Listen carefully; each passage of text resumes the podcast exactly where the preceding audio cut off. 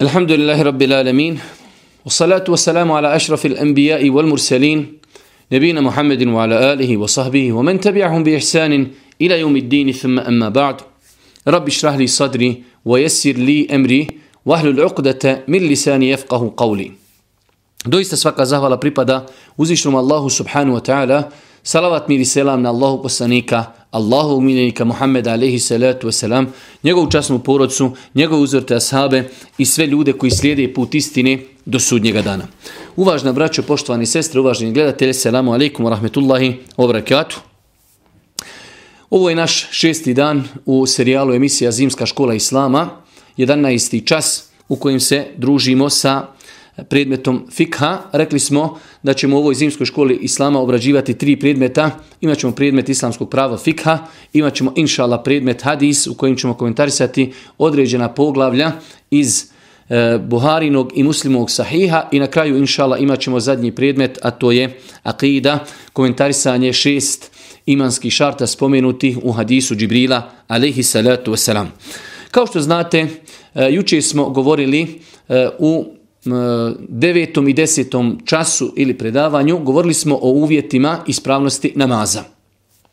Nekom hronologijom, nakon što čovjek zaokruži, ispuni svih onih pet uvjeta koji smo spomenuli, jednostavno čovjek je došao do momenta da počne klanjati. Ja ću večeras kratko, kratko i rezimirano spomenuti kako bi trebao da izgleda čovjekov namaz, iako ja preporučujem svima vama i mi ćemo ako Bog da u ovom posljednjem predavanju, e, drugom predavanju noćas, poslati, poslati na predavanju link sa YouTube-a, onog predavanja, vjerujem da velik broj vas ga je već gledao, predavanje sati 20 minuta u kojem ja govorim detaljno kako i na koji način će se klanjati i to predavanje ako Bog da ulazi će sa nama u, onaj, u onu skriptu za ispite. Znači i ono ulazi ulazi u obavezno učenje e, gradiva koji se vezuju za namaz.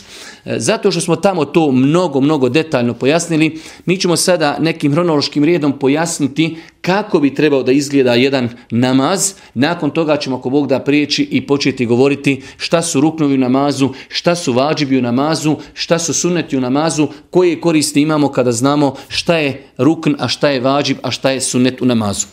U svakom slučaju, na samom početku čovjek prije nego što počne klanjati kada ispuni onih pet uvjeta o kojima smo jučer govorili detaljno, čovjek kada dođe klanjati lijepo bi bilo da ispred sebe postavi takozvanu perdu ili sutru. Perda ili sutra, njena visina je otprilike neki predmet koji je visok podlaktica, a njena širina nije definisana širijetom, tako da to može biti koplje, može biti štap, može biti e, stolica, može biti stub, može biti zid i tako dalje.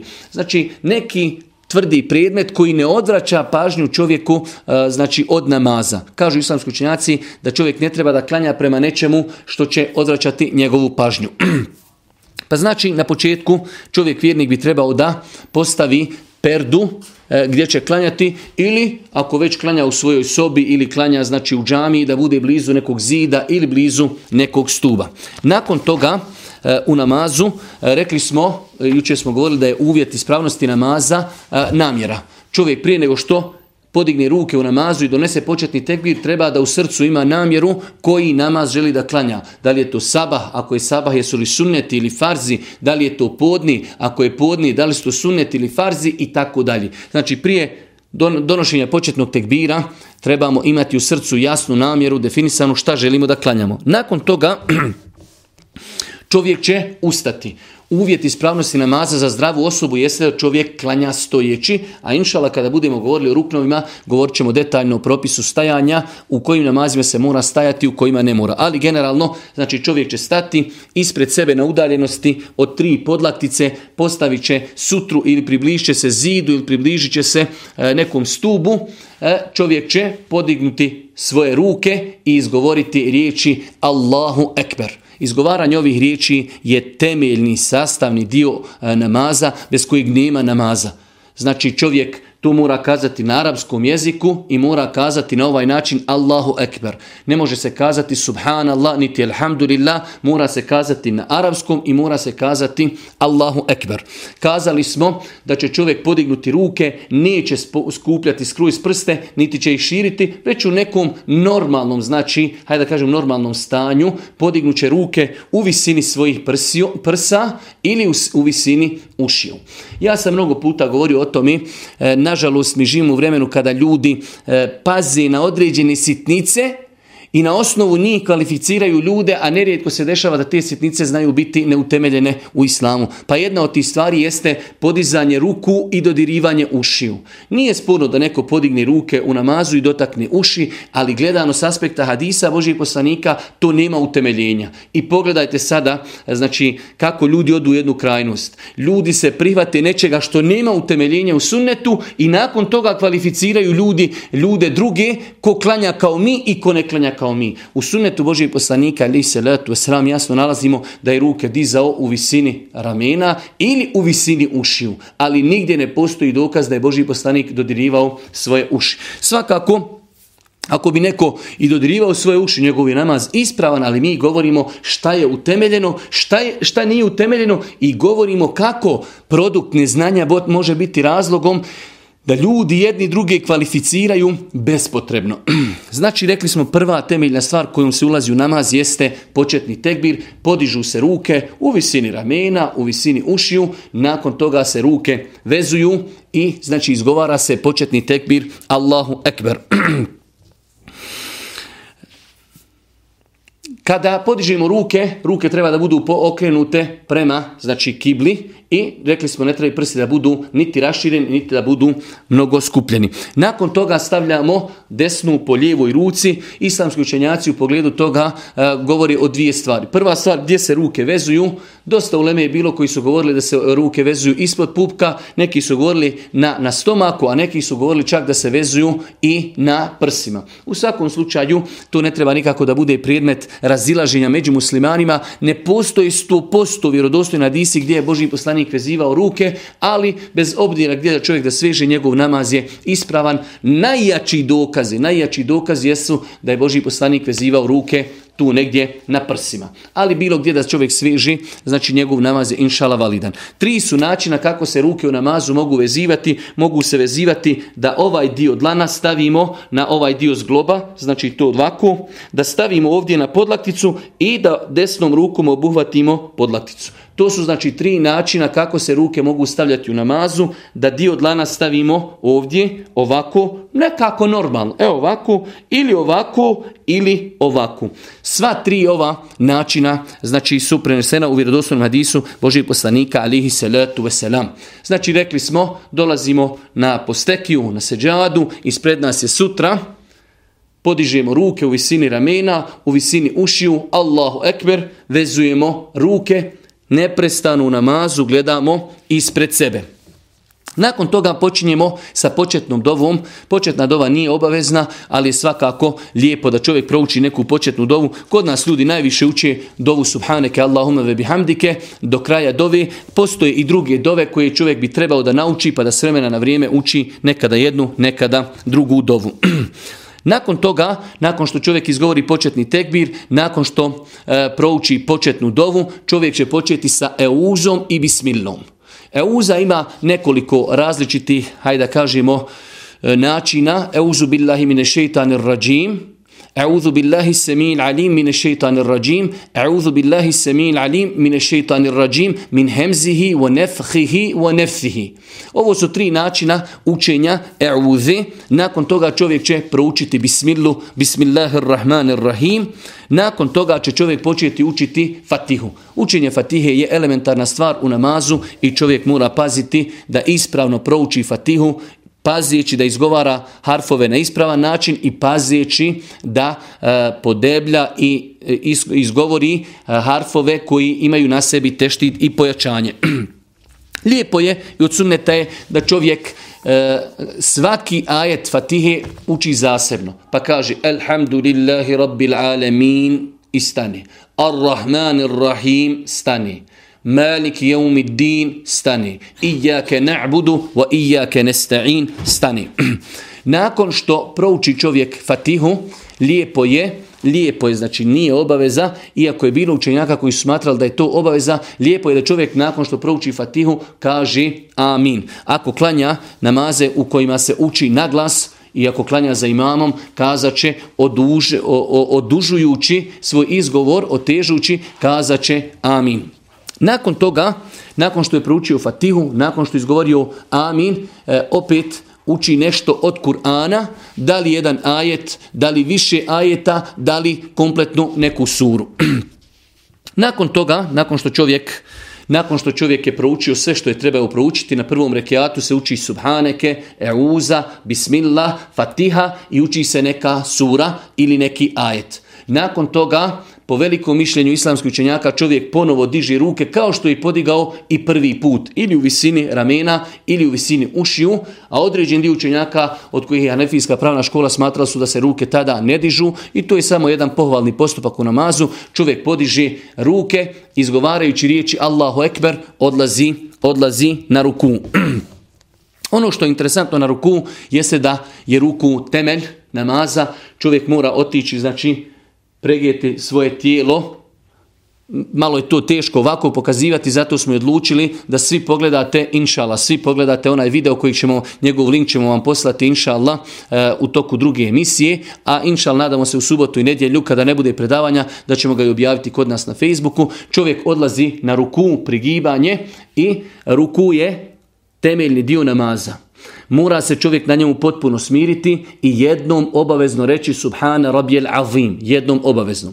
Može kazati tri puta od sunneta ili pet ili sedam ili deset puta. Mogu se proučiti i neke druge dove koje učio Allah poslanik ali se letu sram ali to sve neobavezujući.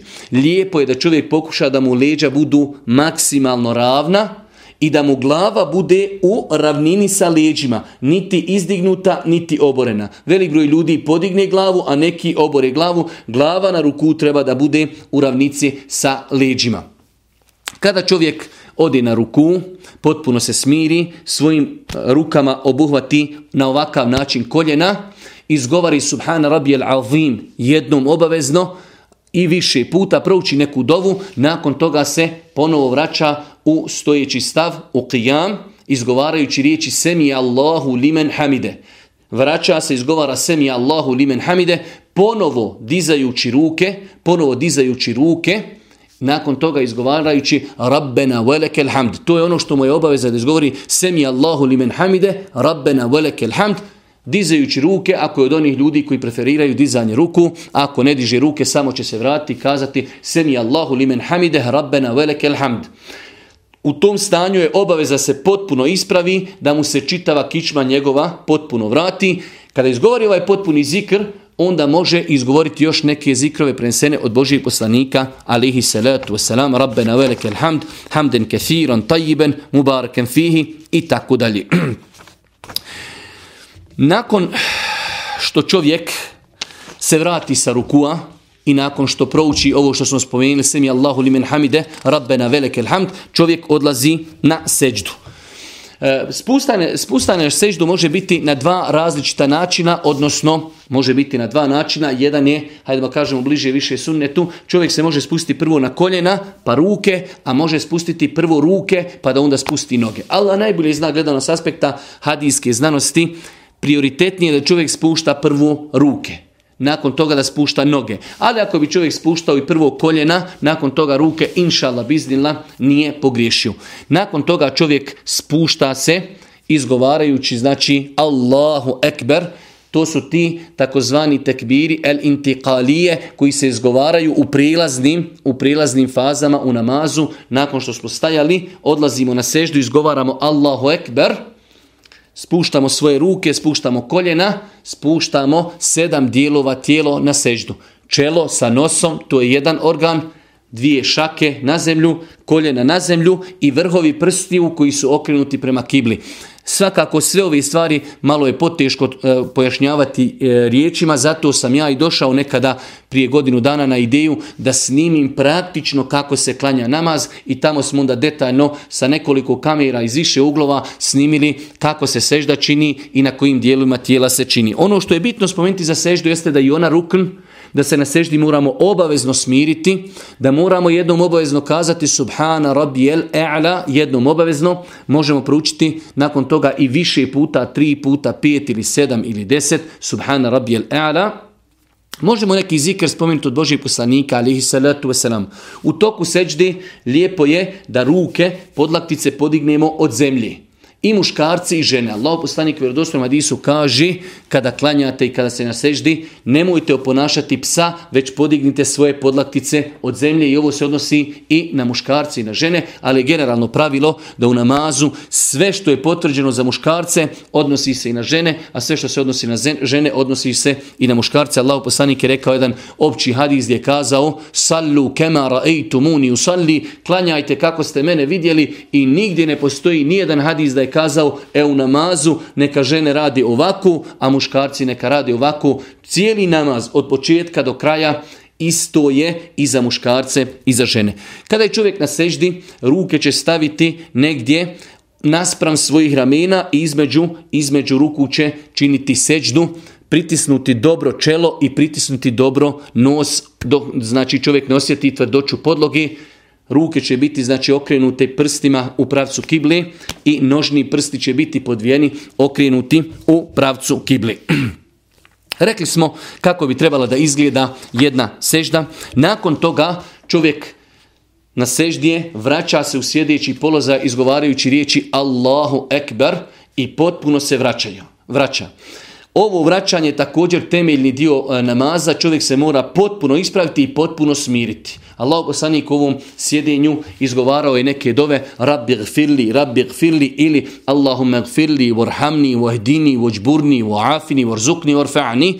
Znači to su dvije dove koje Allah poslanik alaih salatu wasalam izgovarao. To je znači standardno klasični povratak sa seđdi e, u, u, stanje da čovjek se potpuno smiri, ruke će staviti na svoja stegna, izgovoriti ne neku i nakon toga opet izgovarajući riječi Allahu Ekber u prijelaznoj fazi ponovo učiniti seždu identično seždi koju smo učinili prvi put, a to je da ćemo učiniti seždu na sedam dijelova tijela, da ćemo prste okrenuti u pravcu kibli, da su nam nožni prsti podvijeni u pravcu kibli. Izgovorit ćemo sve one zikrove koje smo spomenuli na prvoj seždi. Opet, nakon toga će kazati Allahu Ekber, vratiti se u sjedeći položaj i napraviti jednu kraću pauzu, jednu, dvije ili tri sekunde i ustati na drugi rekat. Znači, imali smo jednu seždu, pa smo sjeli, pa smo drugu seždu, vraćamo se ponovo u sjedeći položaj, ništa ne učimo, izgovaramo Allahu Ekber i ustajemo na drugi rekat. Ustajemo na drugi rekat. Nakon toga na drugom rekiatu učimo bismillu, možemo proučiti ako hoćemo jeuzu, ali znači dovoljna inšala ona prva euza koja se prouči na prvom rekiatu, učimo bismillu, učimo fatihu, sve onako kako smo bez samo početne dove, učimo bismillu, učimo fatihu, učimo nešto iz Kur'ana, da li ajet ili neku suru kraću, nakon toga opet pravimo kraću pauzu, podižemo ruke i izgovarajući riječ Allahu Ekber ponovo odlazimo na ruku. Na ruku sve činimo što smo činili na prvom rekiatu, vraćamo se sa rukua u stojeći položaj. Semi Allahu limen hamide, rabbena veleke hamd, hamden kathiron, tajiben mubarakem fihi. Nakon toga odlazimo ponovo na seždu, identično kako smo to uradili na prvom rekiatu. Nakon što smo opet na drugom rekiatu obavili dvije sežde, sjedamo. Imamo namaze u islamu koji su dvorekijatni, imamo trorekijatni, imamo četverorekijatni. Dvorekijatni namazi su e, sunneti, sabahski farzi i još neki sunneti koji se klanjaju u toku dana. Ako čovjek klanja, ako čovjek klanja, ako čovjek klanja dvorekjatni namaz, bez obzira bio farz ili sunnet, nakon što učini dvije sežde, vratit će, vratit će se u sjedeći stav. Sješće na oborenu lijevu nogu, stopalo, a desnu nogu znači će podići, da će vrhove prsti okrenuti prema kibli, a to ćete inšala sve vidjeti jasno na video snimku, čiji link ćemo vam poslije poslati. E, lijevu ruku će staviti na lijevo stegno, desnu ruku na desno stegno, a prste desne ruke će staviti ili ovako skupiti sve, ostaviti samo kaži prst, ili će napraviti ovako haliku sa ova dva prsta i uči, će sa učenjem etahijatu. At-tahiyatu lillahi was-salawatu wat-tayyibatu as-salamu alayka ayyuhan-nabiyyu wa rahmatullahi wa barakatuh as alayna wa ala ibadillahis-salihin ashhadu an la ilaha illallah wa ashhadu anna muhammadan 'abduhu wa rasuluh ovoye at-tahiyatu ovoy sjedinje nakonovi drugije sejdje u drugom rekeatu ovo sjedenje, ako je dvorekjatni namaz, ono je obaveza.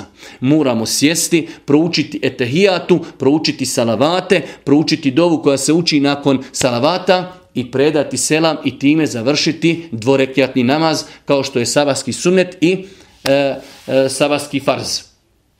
Ako se radi o trorekiatnom namazu kao što je akšam, kada sjedimo, proučimo samo etehijatu, i izgovarajući Allahu Ekber ustajemo na treći rekiat. Prilikom ustaje na treći rekat ponovo se mogu podignuti e, po četvrti put u namazu, mogu se podignuti, podignuti ruke za one koji smatraju da je to sunnet, a hadisi koji bilježi imam Buharija i Muslim potvrđuju da je Allah poslanik ali se letu selam četiri puta u namazu dizao ruke. Ali isto tako to dizanje ruku ne smije nikako biti kamen spoticanja među muslimanima. Oni koji dižu ruke, oni to dižu i misle da je sunnet. Oni koji to ne rade, oni smatraju da to nije sunnet i jednostavno mi se od samog početka e, ovdje pokušavamo naviknuti na tu toleranciju, da respektujemo druge stavove kada je u pitanju fik i različiti stavovi. Nakon što je čovjek znači podigao ruke, ustao izgovarajući Allahu Ekber, ponovo će svezati ruke, proučit će bismilu, proučit će fatihu i ponovo odlazi na ruku. Proučit će samo bismilu i fatihu. Na trećem i na četvrtom rekiatu uvijek se uči samo bismila i fatiha. Može se ponekad, to velik broj ljudi ne zna, može se ponekad i na trećem i na četvrtom rekiatu učiti i sura nakon fatihi. Ali generalno na trećem ili četvrtom rekatu uči se samo fatiha. Na trećem i četvrtom rekatu uči se samo fatiha. Nakon što čovjek o, završi sa fatihom, donosi tekbir, odlazi na ruku, na ruku, ponaša se kao što se ponašao na ruku na prvom i na drugom rekiatu, vraća se sa rukua, odlazi na seždu, jedna sežda, pa povratak sa seždi, pa druga sežda, povratak sa seždi i ponovo sjedanje ako se radi o akšam namazu ili eventualno ako klanjamo vitre tri rekiata, tada ponovo sjedamo, učimo etehijatu, učimo salavate, učimo dovu i predajemo selam u toku cijelog učenja ili je tahijatu i salavata čovjek rekli smo kako će ruke staviti ili ovako ili ovako, znači da ovakav i tokom cijelog učenja čovjek će pokazivati kaži prstom u pravcu u pravcu kibli, gledajući svojim očima u prst. Tokom cijelog namaza čovjek gleda u mjesto seždi, osim, osim kada čovjek je na znači tešehudu i na etehijatu gleda znači u svoj prst. Ispravno inšala nema smetnje nikakve ako čovjek i u toku učenja etehijatu tokom cijelog učenja niče prstom, ali je s aspekta hadijske znanosti jače mišljenje da se samo prstom uperi i pokazuje se u pravcu kjabi.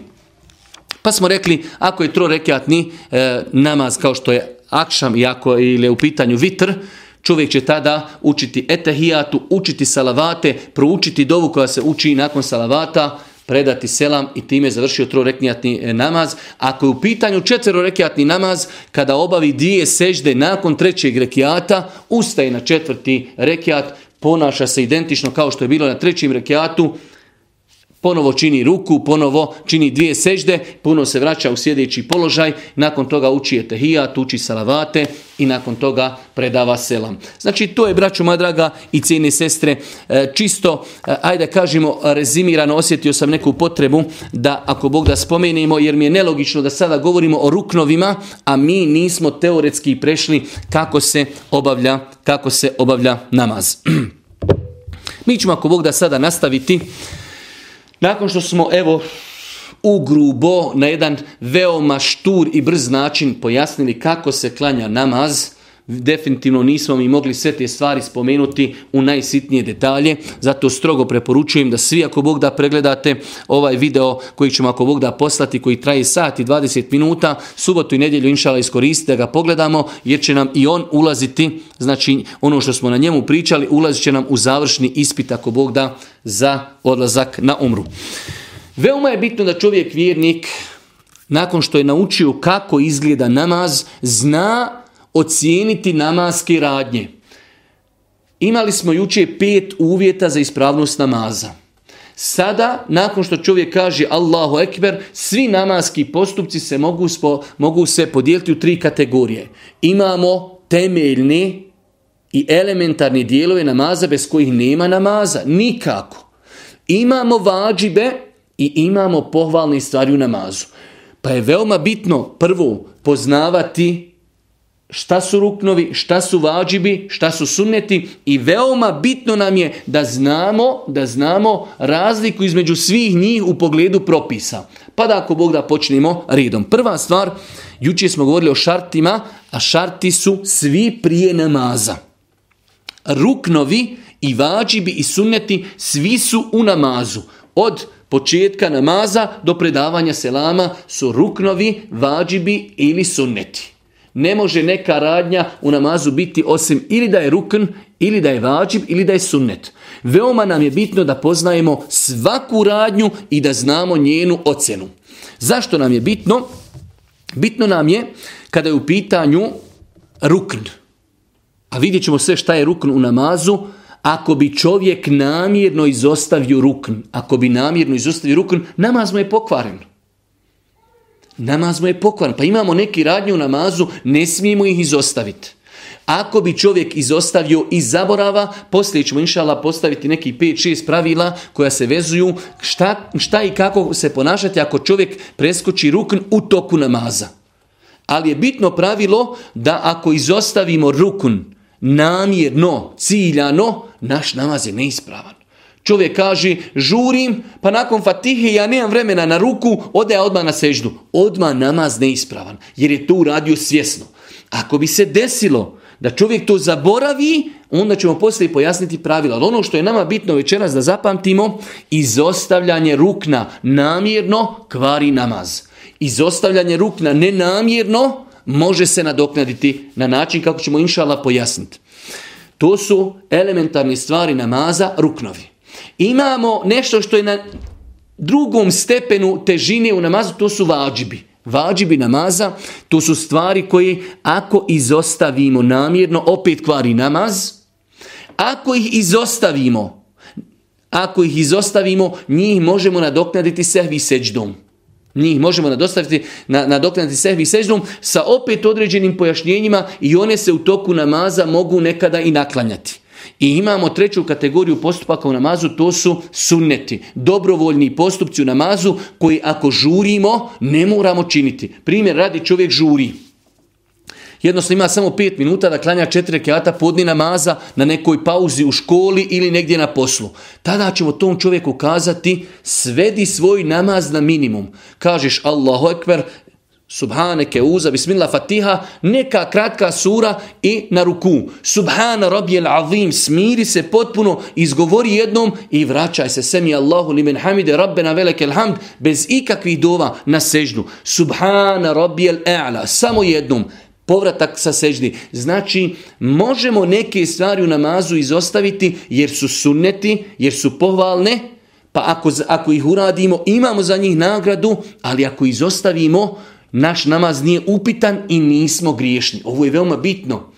Svakako mi ne pozivamo izostavljanju sunnijeta u namazu, ali je veoma bitno da znamo, kao što smo jučer govorili o namazu, nekada čovjek nema vremena da klanja podne 12 rekiata ili 10 rekiata, ali ima vremena 5 minuta da klanja farze. Pa mi mu kažemo, klanjaj farze, jer će te Allah pitati na sudnjem danu za farze. Za sunnete te neće pitati.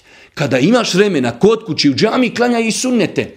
Ali nemoj, zato što ne možeš klanjati deset rekata, neću klanjati ništa. E to je greška i to je neispravno. Pa i u namazu imamo ruknove, koje ako ostavimo ne nenamjer, ako e, preskočimo i namjerno, kvari nam namaz. Vađi bi ako ih ostavimo isto namjerno, kvari nam namaz, ali ako ih ostavimo u zaboravu, mogu se nadoknaditi sehvi seždom, sunneti, Sunneti su dobrovoljni postupci u namazu koji ako uradimo bit ćemo nagrađeni, ako ih izostavimo nismo griješni. Dobro, Inšala bizna, nadam se da smo ovo rezimirali, a mi ćemo o propisima ruknuva, o propisima vađiba i o propisima sunnjeta naknadno oko Bog da govorili. Počinjemo, počinjemo od početka namaza hronološki pratimo namaz i govorimo šta su to sve obavezne stvari u namazu, odnosno ruknovi. Elementarni dijelovi namaza koji ne smijemo nikako izostaviti. Prva stvar, rekli smo u namazu, jeste el qiyam stajanje. To je prvi elementarni dio namaza ako je čovjek zdrav i nalazi se u nekim normalnim uvjetima, nije u bolnici, nije u nekom tjesnom mjestu, e, zdravlje, ima mogućnost da stoji, obaveza mu je da stoji, kaže Allah poslanik ali salatu selam onom čovjeku koji je brzo klanjao, pa ga je Boži, poslije Boži poslanik podučio kako da klanja, kaže mu Allah poslanik alaih salatu uzmi abdest, okreni se, okreni se prema namazu, okreni se prema namazu, kaže e, donesi početni tekbir, a u drugom hadisu, Allah poslanik jednom ashabu koji je bio bolestan kaže mu na početku ka imen. Prvo kaže stoj i klanjaj stojeći. Fa pa ako ne možeš, onda sjedeći. Pa ako ne možeš, ležeći na boku. Ali prvi uvjet je stajanju u namazu. I vidjet ćemo određene propise koji se vezuju za stajanje u namazu. Pa je greška, iako mi ne ulazimo u nijete ljudi, Može se zaista desiti da čovjek izgleda vanštinom zdrav i kurpolentan, a klanja na stolici. On možda ima razlog kojeg mi ne znamo, medicinski, ali generalno je pravilo ne može čovjek klanjati na stolici i ne smije se igrati sa tim ako zaista zdravstveno može klanjati. Ako ne može klanjati, to između njega i Allaha i nikome neće čovjek doći u džami i reći daj mi papira ti ne možeš klanjati stojiš, da možeš klanjati sjediš. Svako između njega i Allaha, znači naša vjera kompletna je zasnovana na emanetu, na povjerenju. Čovjek, ali je bitan propis, čovjek ne smije klanjati sjedećke ako može klanjati stojeći. To je prvi propis koji trebamo zapamtiti. Nakon toga rekli smo Čovjek ako ne može klanjati stojeći, klanjat sjedeći, ako ne može klanjati sjedeći, klanjat će ležeći na desnom boku okrenut u pravcu kibli. Ovo je sav propis u pogledu farza. U pogledu farz namaza čovjek koji je obaveza stajati, Allah poslani kaže klanjaj stojeći, ako ne možeš klanjaj sjedeći, ako ne možeš klanjaj na boku. Okay. Kada je u pitanju dobrovoljni namaz, ovo je veoma bitno, u startu mi možemo početi klanjati sjedeći, iako velik broj ljudi to ne koristi, ali je lijepo da čovjek zna, nekada je čovjek umoran, žao mu je da propusti sunet, ali ne može više, umorio se stajat, u startu čovjeku na fili može početi klanjati sjedeći. Bez ikakvih uzora, bez ikakvih problema, Jednostavno čovjek hoće da klanja sjedi ali mu je nagrada tog namaza pola od namaza kada bi taj namaz klanjao stojeći. U na disima Allahu poslanik ali se selam je potvrdio da insan koji klanja sjedići, a mogao je klanjati stojeći, ima pola nagrade namaza onoga koji je stajao. Pa je veoma bitno da znamo propis, a da li ćemo mi klanjati sjedeći ili ne, to je druga stvar. Iako je nekad dobro da poznajemo propis, čovjek se zaista nekada e, osjeti umoran, volio bi da klanja suneta, ali je umoran, čovjek može sjedeći, znači onako kako sjedi na etahija, tu tako će sjediti i tako će klanjati, ili će sjesti kao što ono naš narod kaže... E, prekršteni nogu ili turski, tako to nekako ljudi zovu. Znači, na ta dva načina može sjediti i klanjati. Ali je bitno da zapamtimo, ne smijemo klanjati u farzima, osim ako imamo validan razlog. U nafili možemo klanjati bez ikakvog razloga sjedeći, ali imamo nagradu pola namaza, namaza kojeg bi klanjali stojeći. Svakako, ako bi čovjek klanjao sjedeći, a ima razlog jer je bolestan, njemu se upisuje potpuna nagrada namaza. Allah poslani kaže u hadisu eh, Buharije, eh, insan kada se razboli ili kada negdje otputuje, bude mu naređeno da se upisuje od dobrih dijela ono što je radio kada je bio zdrav i kada nije bio putnik. Pa čovjek ako ima praksu da radi određen ibadet i prestane ga rad zato što se razbolio, meleki upisuju nagradu kao da on to i dalje radi. Tako da ako insan kada je zdrav klanja stojeći, i razboli se i tada klanja sjedeći, i njemu upisuju potpunu nagradu. Govorimo znači samo o fili. Čovjek kada klanja dobrovoljni namaz, ima pravo odmah u startu da klanja sjedeći, bez ikakvog razloga, ali će nagrada namaza biti duplo manja. Dozvoljeno je, kada čovjek klanja na filu, dvije varijante. Dozvoljeno je da počne namaz stojeći i da onda sjedni. Dozvoljeno je obrnuto. Dozvoljeno da počne sjedeći i uči, uči, uči i kada dođe do perioda da treba da, da ide na kijam, da ide na ruku, ustane, još malo uči i ode na ruku. Znači, dozvoljene su oba dvije opcije. Imamo opciju da čovjek donese početni tekbir stojeći i onda sjedne i uči. Uči, uči i nastavi klanjati namaz sjedeći. Imamo obrnuto. Da sjedeći donese početni tekbir i počne klanjat, klanjat, kada tjedne ići na ruku, ustane i ode na ruku. Sve je to u nafili, Allah bi iznila, dozvoljeno. Rekli smo, onaj ko klanja sjedeći, ili će sjediti onako kako se sjedi na etahijatu, ili će sjediti na način da će prekrstiti svoje noge, ili je to već kako se zove tu sjedinje. onaj ko e, klanja farze, ne može klanjati stojeći jer je bolestan, ne može klanjati e, sjedeći jer je bolestan, klanja će na desnoj strani okrenut licem prema kibli. Insan, znači koji je bolestan, klanja će na desnoj strani okrenut licem prema kibli, to u slučaju ako to inša može izvesti. To je nešto kratko i rezimirano o prvom ruknu namaza, prvoj elementarnoj stvari, a to je stajanje u namazu. Pa smo, eto, nešto kratko i rezimirano spomenuli o osnovnim propisima koje čovjek musliman trebao da zna, koji se vezuju za stavljanje namazu. Rekli smo da je to stroga obaveza ako je čovjek zdrav u farzima, ako je u pitanju na fila, imamo pravo da klanjamo sjedeći, ali naš namaz je e, znači na pola nagrade. Nakon toga, druga elementarna stvar u namazu jeste učenje fatihi. Došli smo u namaz, znači e, odnosno, e, izvinjajem se, e, prva stvar je stajanje u namazu, to nam je elementarna stvar, druga, druga stvar jeste Allahu Ekber, izgovaranje početnog tekbira. Prva elementarna stvar u namazu jeste stajanje. Druga elementarna stvar bez koje nema namaza jeste početni tekbir.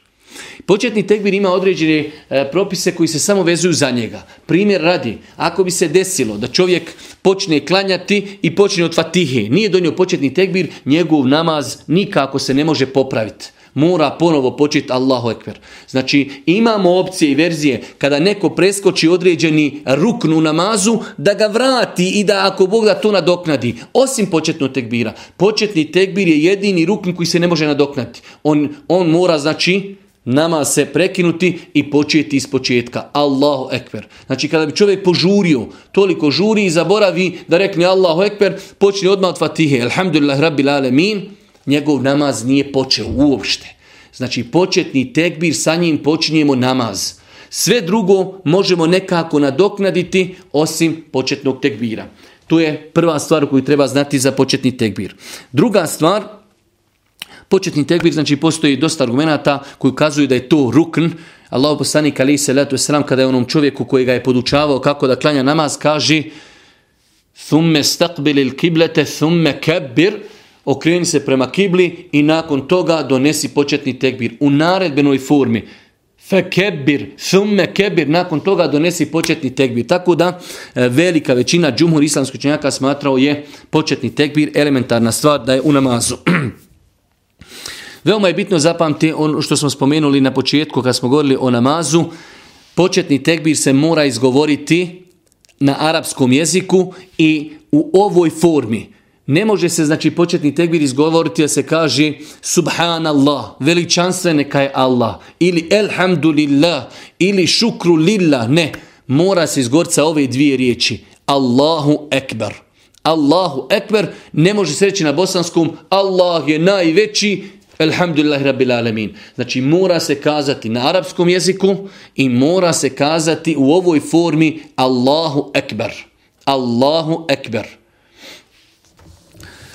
Svakako čovjek kada izgovara početni tekbir i sve ostalo što uči u namazu mora micati jezikom ili čuti sebe kako to izgovara. Normalno da neće učiti toliko naglas da druge ljude uznemirava, ali ne može čovjek u mislima donijeti početni tekbir. Ne. Znači velik broj ljudi, pogledajte u džamijama kada vidite kako ljudi klanjaju, ovako klanjaju. I tako, znači zatvorenih usta, neispravanje neki tu u islamu osobi koja uči u mislima. Pa početni tekbir treba da se izgovori onoliko koliko mi sebe čujemo da druge ne uznamiravamo. Allahu akbar. Znači čovjek mora riječima, mora micati jezik prilikom izgovora i tekbira i svih od ostalih znači e, obaveznih stvari u namazu. Pa su to, inšala, osnovne stvari koje čovjek trebao da zna da za, za početni tekbir, da je to temelj.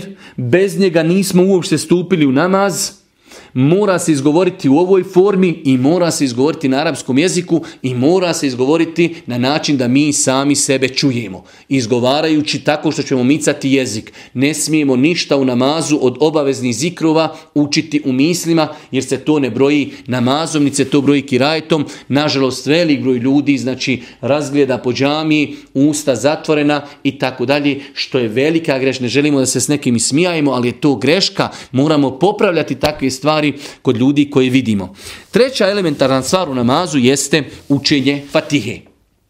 Mi smo kada smo pojašnjavali namaz, rekli smo čovjek kada donese početni tekbir, nakon toga uči početnu dovu, nakon toga uči jauzu, nakon toga uči bismidlu, sve to nije elementarno.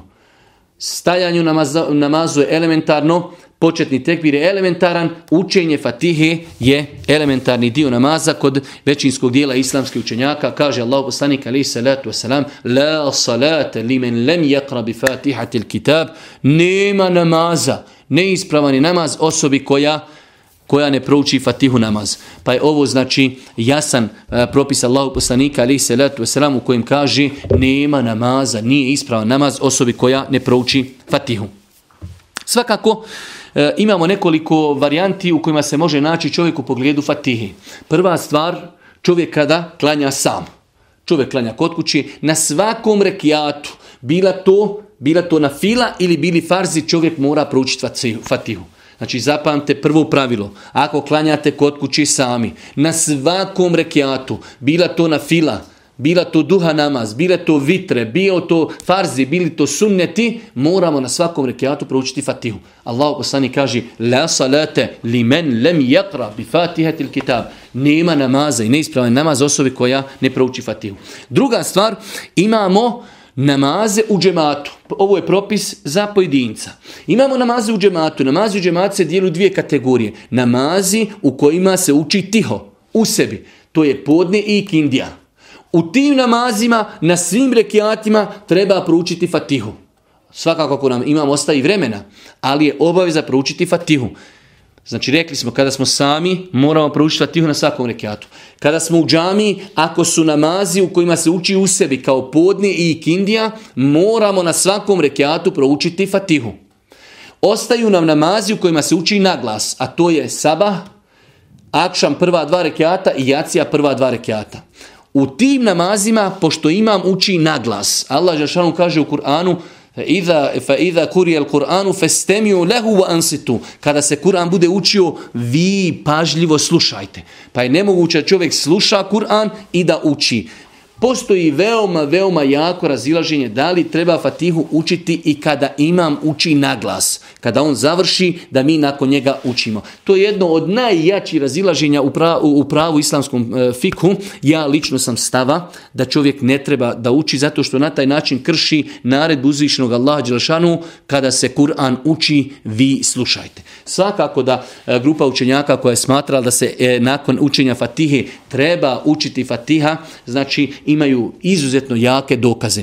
Ali znači mi smo namaze podijelili u namaze gdje se uči u sebi tiho, tu moramo na svakom rekiat pručiti. namazi u koji se uči naglas, u rekiatima u kojima imam uči naglas, mi slušamo učenje imama. Osim kao što se nekada dešava u Mekki Medini, da imam nakon što završi Fatihu, ostavi period da klanjači imaju vremena proučiti Fatihu, tada ćemo svakako proučiti Fatihu. Samo još nekoliko propisa i time ćemo ako Bog da završiti ovo prvo predavanje i stati na kraju ovog rukna, a to je rukn Fatihi. Veoma je bitno Rekli smo kad su u pitanju namazi u kojima imam uči naglas samo u rekiatima gdje on uči naglas. glas. Treći rekiat na, na Akšamu obaveza je proučiti Fatihu. E, treći i četiri rekiat na Jaci obaveza je proučiti Fatihu.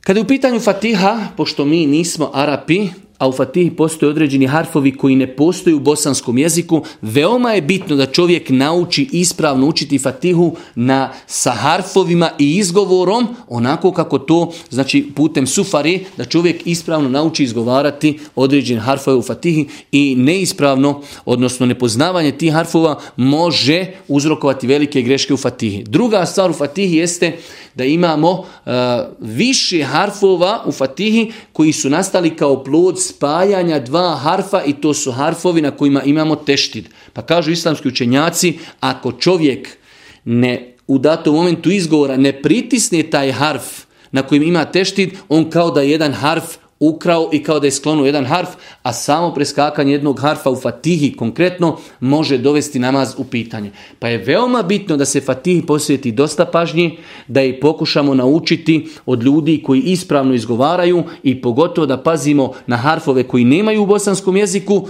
ili da pazimo na harfove na kojima imaju teštidi. Došlo je u vjerodostojnom hadisku od Božih poslanika, se selam e, da su određeni ljudi bili u takvom halu, iako su Arapi, da nisu mogli naučiti fatihu. Svakako, opet se vraćamo onom propisu, naša vjera je sva zasnovana, zasnovana na povjerenju. Kada čovjek kaže ja ne mogu klanjati stojeći, nikomu neće reći u džamija daj papir. To je između tebe i Allaha. Ko čovjek kaže ja se bojim koristiti vodu, razboliću se, nikomu neće reći donesi mi papir pa da možeš šta njemu uzeti. Znači sva vjera je zasnovana na povjerenju između nas i Allaha. Isto i ovo. Zaista kada bi se desilo da imamo čovjeka Pogotovo ljudi koji nisu odrasli u nekoj islamskoj sredini, nisu od djetinstva išli u mejtev i sjedi čovjek 15 dana uči Fatihu 7 majta, ne može da nauči. Jednostavno, kaže, sjedim, učim, znam pjesme od Michael Jacksona, znam sve živo, ali ne mogu Fatihu u glavu. Pa je došlo u vjerodostojnom hadisu da je Allah poslanik ali se latu selam za takve osobe kazao u tom nekom prilaznom periodu dok naučuju Fatihu da kažu subhanallahi walhamdulillahi wala ilaha illa Allahu wallahu ekber wala havla wala kuvata illa billah. Ovo je nešto što bi ako Bog da svako mogao da nači, nauči subhanallah, walhamdulillah, wa la ilaha illallah, wallahu ekber, wa la wala wa la kuvata illa billah. Ovi pet rečenica, one mijenjaju fatihu za osobu koja zaista istinski ne može naučiti fatihu. Da sutra ne bude Boga mi ovaj peđić stvarno dobar. Kod njega ni fatihe ne moraš. Malo nešto subhanallah, alhamdulillah, wallahu ekber, idemo. Znači sva vjera je zasnovana na povjerenju. U svakom slučaju, ovo su neki osnovni propisi kod trećeg rukna i tu ćemo se ako Bog da zaustaviti. Svakako da oni koji su bili noćas na, na, na prvom predavanju trebali da ostanu i na drugom, zato što je tema baš usko povezana. Nastavljamo ako Bog da u drugom predavanju govoriti o temeljnim elementarnim dijelima namaza, ostali namazi. Subhanike Allahume bihamdike, ešhedu en la ilaha ilan stakfiruke, ve tubu